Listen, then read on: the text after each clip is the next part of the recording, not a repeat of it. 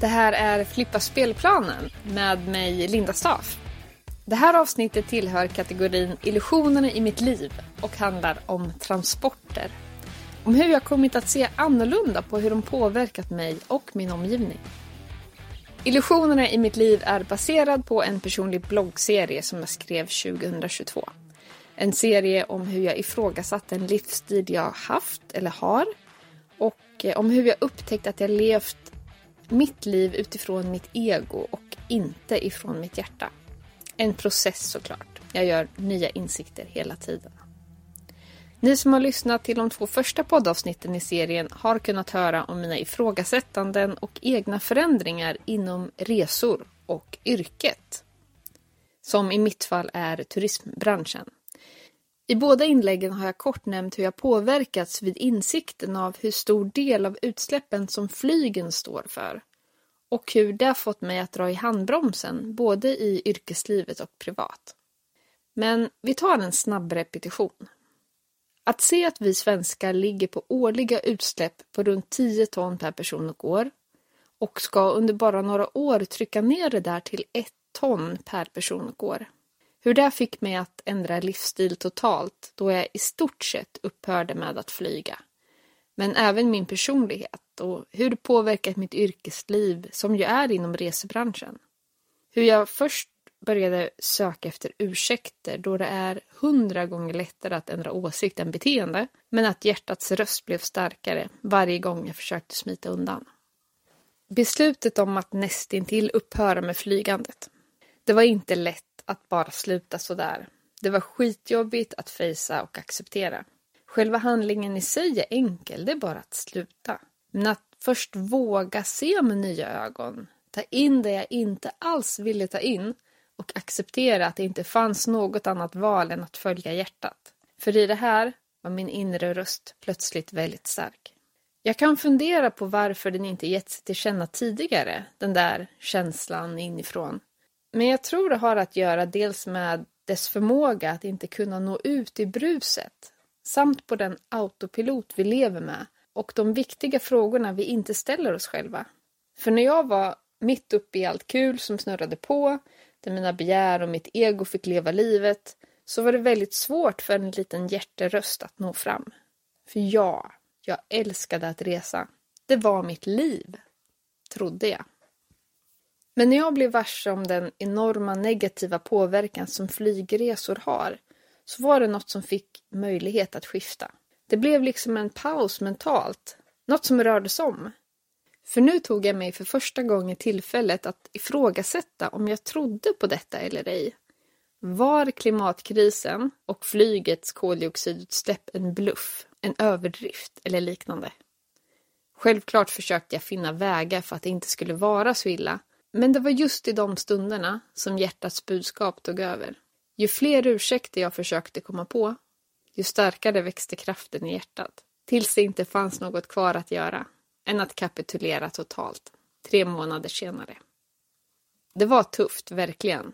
Men när acceptansen fanns där och beslutet var taget så sa det poff. Så öppnades en ny värld för mig. Jag kom att finna ett större inre lugn, en större kärlek till min vardag och jag började se möjligheter jag förbisett tidigare. Överlag så blev jag mer harmonisk. Efter flyget kom bilen. Jag fortsatte att titta på hur jag kunde anpassa mitt liv för övrigt och minska min egen klimatpåverkan. Flyget hade ju varit den största boven i mitt liv. Men trots att den var borta så var det fortfarande transporter som var den största utsläppen, eller de största utsläppen som jag orsakade.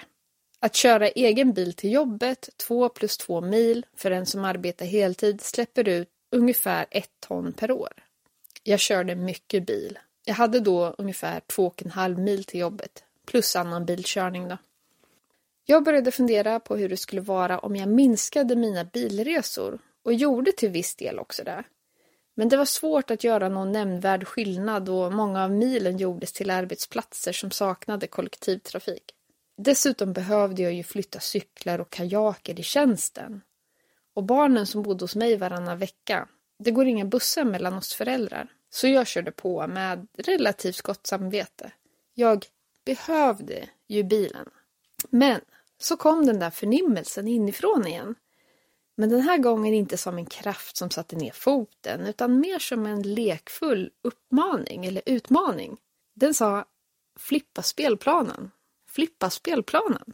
Vilket innebär tänk om, tänk nytt. Så jag gjorde en lekfull grej av det där. Jag satte mig och begrundade mitt sätt att transportera mig på just då. Ungefär som att jag skulle se alla transporter framför mig på en spelplan. Sen vände jag på den, fortfarande mentalt, och liksom nollade mina transporter. Föreställde mig att jag inte hade några egna transportmedel och att jag inte behövde åka någonstans alls. Spelplanen var tom. Sen frågade jag mig själv, vart behöver jag förflytta mig? Och på vilka olika sätt skulle det kunna gå till? De nya lösningarna blev nya pjäser på spelplanen.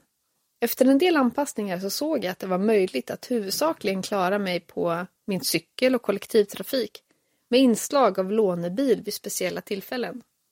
Det är en rätt kul utmaning att göra tycker jag. Att liksom föra ett resonemang med mig själv och se hur en del av mig vill hitta enkla och bekväma lösningar. Det vill säga mycket bil. Men en annan del av mig sökte lösningar på precis allt. I den här processen var inte hjärtat inblandat vad jag noterade. Det var istället tankar som rörde sig inom mig. Men det var intressant att bejaka de olika sidor inom mig som slogs för olika saker. Hur jag liksom rörde om i min egen gryta. Verkligen själv ifrågasatte min syn på mina transporter och vad som var behov eller lathet. Det slutade ganska snart med att jag bestämde mig för att sälja bilen och vara utan den under minst ett år. Jag ville ha ett mål så att jag inte skulle ge upp så lätt utan verkligen pusha mig att hitta nya kreativa lösningar och förändra mina rutiner kring bilåkandet. Resorna till jobbet ersattes med cykel och det kom att bli en och annan utenatt om kvällar jag jobbade sent och började tidigt. Jag började såklart åka kollektivt och det var flera trösklar att ta mig över där. Jag hade ju i stort sett inte gjort det sedan jag tog körkort 20 år tidigare. Att åka stadsbuss till exempel. Det var märkligt nog en stor tröskel för mig att ta mig över. Då var det lättare med landsortsbussarna. Jag fann lösningar på en massa grejer. Ibland hyrde jag bil, men det ingick i planen och överenskommelsen med barnen. Ungefär en gång i månaden hade vi hyrbil, då det kunde handla om resor kopplade till läkarbesök eller att jag skulle föreläsa på platser som saknade kollektivtrafik. Jag kunde även bonuslåna min mammas bil ibland när hon var i närområdet. När det hade gått ganska exakt ett år hade det bara strulat till sig en gång. Jag hade liftat med en kompis till Tivedens nationalpark under påskveckan och efter fem dagar i skogen skulle jag ta mig hem igen men insåg att ingen kollektiv eller närtrafik skulle gå förrän om fyra dagar. Då fick jag ringa efter hjälp. Så vad var då illusionerna i det här? Jo, att jag trodde mig behöva en bil vid så många tillfällen. Det var först när jag sålde bilen och började leva utan den som det blev så tydligt för mig hur enkelt det var. Så mycket föreställningar jag hade innan som försvann. Dessutom fick nya saker komma in i livet, som ännu mer inre lugn. Betydligt mindre stress. För nu var det bara att inse fakta. Jag kunde inte åka bil till fem olika platser på en dag. Jag fick helt enkelt prioritera om. Att cykla visade sig dessutom vara en rätt behaglig aktivitet och jag kom att längta efter att få trampa fram över vidderna. Jag fick mer tid till att stanna upp, ta in ljud och dofter, vara tacksam över att kunna cykla. Det kändes befriande. Trots att det krävde en del planering efter väder. En och samma sträcka kunde ta mellan en och tre timmar beroende på om det var med eller motvind. Det blåser en del på Östgötaslätten. Jag minns känslan när jag efter de tre första veckorna utan bil plötsligt skulle köra en bil. Jag verkligen hajade till och tyckte att jag satt så instängd och trångt där inne. Och att det kändes lurigt att tusa fram så snabbt på vägarna. Medan kidsen undrade varför jag plötsligt körde så extremt långsamt med en bil. Jag hade redan hunnit vänja mig vid ett annat tempo. Så eh, en av illusionerna jag upptäckte var också att jag inte hade så bråttom som jag tidigare trott att jag haft. Jag kom verkligen att börja se annorlunda på livet och livskvaliteten efter att bilen försvann. Det öppnade fler dörrar och det är jag så tacksam för. Kanske den där lekfulla viskningen, flippa spelplanen, visste vad den skulle leda till när jag resonerade mig fram till att testa ett år utan bil. Nya iakttagelser. När jag sålt bilen och började förflytta mig med buss eller cykel kom jag att se bilar, vägar och parkeringar på ett annat sätt än tidigare. För plötsligt var de överallt. Jag noterade gång på gång att vart jag än vände blicken så kunde jag nästan se fler bilar än människor. Bilar, bilar, bilar. Sorgligt tycker jag. Tänker på hur städer såg ut tidigare med fler cyklister och fotgängare ute på gatorna. Det måste också skapat fler tillfällen för att hälsa på varandra. En känsla av gemenskap. Vägar, korsningar, rödljus, rondeller, men väldigt lite anpassning för cyklister. Jag började tänka på hur stort utrymme vägar och parkeringar tar i städer och orter. Och har nu i efterhand också läst någonstans att runt 50 procent av ytan är parkeringar och vägar. Det kan förstås variera, men det är mycket. Och mer blir det. Vi formar liksom våra samhällen och våra naturmiljöer kring möjligheten att transportera oss själva eller våra varor. Vi strävar mot att förenkla möjligheten för våra bilresor istället för att minska dem. För mig är allt det där en illusion. Något jag inte blev varse om förrän jag gjorde mig av med min egen bil. Undrar hur det skulle vara om fler tänkte om. Att det kunde leda till minskade utsläpp, till färre parkeringar och körfält, till mindre stress och mer harmoni i livet. Elbilen. Jag ser inte det som en lösning heller. Alltså inte att vi kan ersätta våra vanliga bilar med elbil. Mycket av samma anledning som jag just nämnde. Men också för att det kostar mycket på miljön att tillverka elbilar och att hålla dem rullande. Någonstans ifrån ska energin komma och det krävs resurser och utrymme som inte rimmar med biologisk mångfald eller tillgången på naturresurser för att möta den efterfrågan. Vi vill göra allt med el, virke och växter idag. Köra fordon, hålla igång fabriker, bygga och underhålla hus, tillverka kläder, odla mat.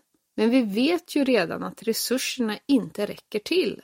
Det pratas mer om våra behov och ekonomier än om naturens resurser och begränsningar. Hur skulle det se ut om vi alla flippade spelplanerna och utmanade oss att se vad vi verkligen behöver och prioritera det som är viktigast? Vågar du flippa spelplanen? Omgivningens reaktioner på mina förändringar. En del hån och ett ganska svartvitt synsätt. När det kom fram att jag sålt min bil för att jag ville testa att leva enklare och mer naturligt så tycks andra uppfatta det som att jag sagt att jag aldrig någonsin kommer sätta mig i ett motorfordon igen och kallar det för fusk att jag åker buss eller åker med i någon annans bil. När jag bett om hjälp med transporter av något så får jag höra Där ser du, du kan inte leva utan bil. Men jag har aldrig sagt att jag är helt emot att åka bil. Jag kan absolut tänka mig att vara en del av en bilpool eller liknande. Men det är ont om de alternativen här på landsbygden. Kidsen har däremot tagit det jättebra accepterade beslutet rätt snabbt. När jag sa att jag inte ville flyga mer så ville man gärna veta varför jag då flög fem år tidigare. Det där med att man faktiskt kan komma till insikt om något och sen göra en förändring, det tycks vara svårt för en del att begripa. När det kom ut att jag i mitt lilla företag valt att inte arbeta mot en marknad som är beroende av flyg så sökte en Norrköpingspolitiker med flygintresse genom mitt Facebook och hittade en gammal bild från en resa som jag gjort fyra år tidigare och publicerade den för att visa vilken bluff jag var. Så där håller en del på, som inte gillar beslut som någon annan fattat kring sitt eget liv. Jag tyckte det var lite jobbigt med den uppmärksamheten som mina beslut fick, men jag kan ta att andra inte gillar dem. För det är ju mer deras problem än mitt. Ringa på vattnet. Det första året utan bil var det runt tio personer som kontaktade mig och sa att även de sålt sin bil just för att de blivit inspirerade av mitt beslut. Och ännu fler som sagt att min förändring gjort att de själva nu låter bilen stå och reser kollektivt till arbetet istället. Så, det här var lite om mina ifrågasättanden och förändringar kring transporter i mitt liv. Förhoppningsvis kan det inspirera och underlätta för fler som går i samma tankar. Vad tänker du? Blir du inspirerad eller triggad? Du har lyssnat på Flippa spelplanen. Tack för det. Om du gillar det här och vill att podden ska fortsätta så får du väldigt gärna swisha ett bidrag till eh, nummer 123 647 57 50. Stort tack för att du lyssnade. Ha en fin dag!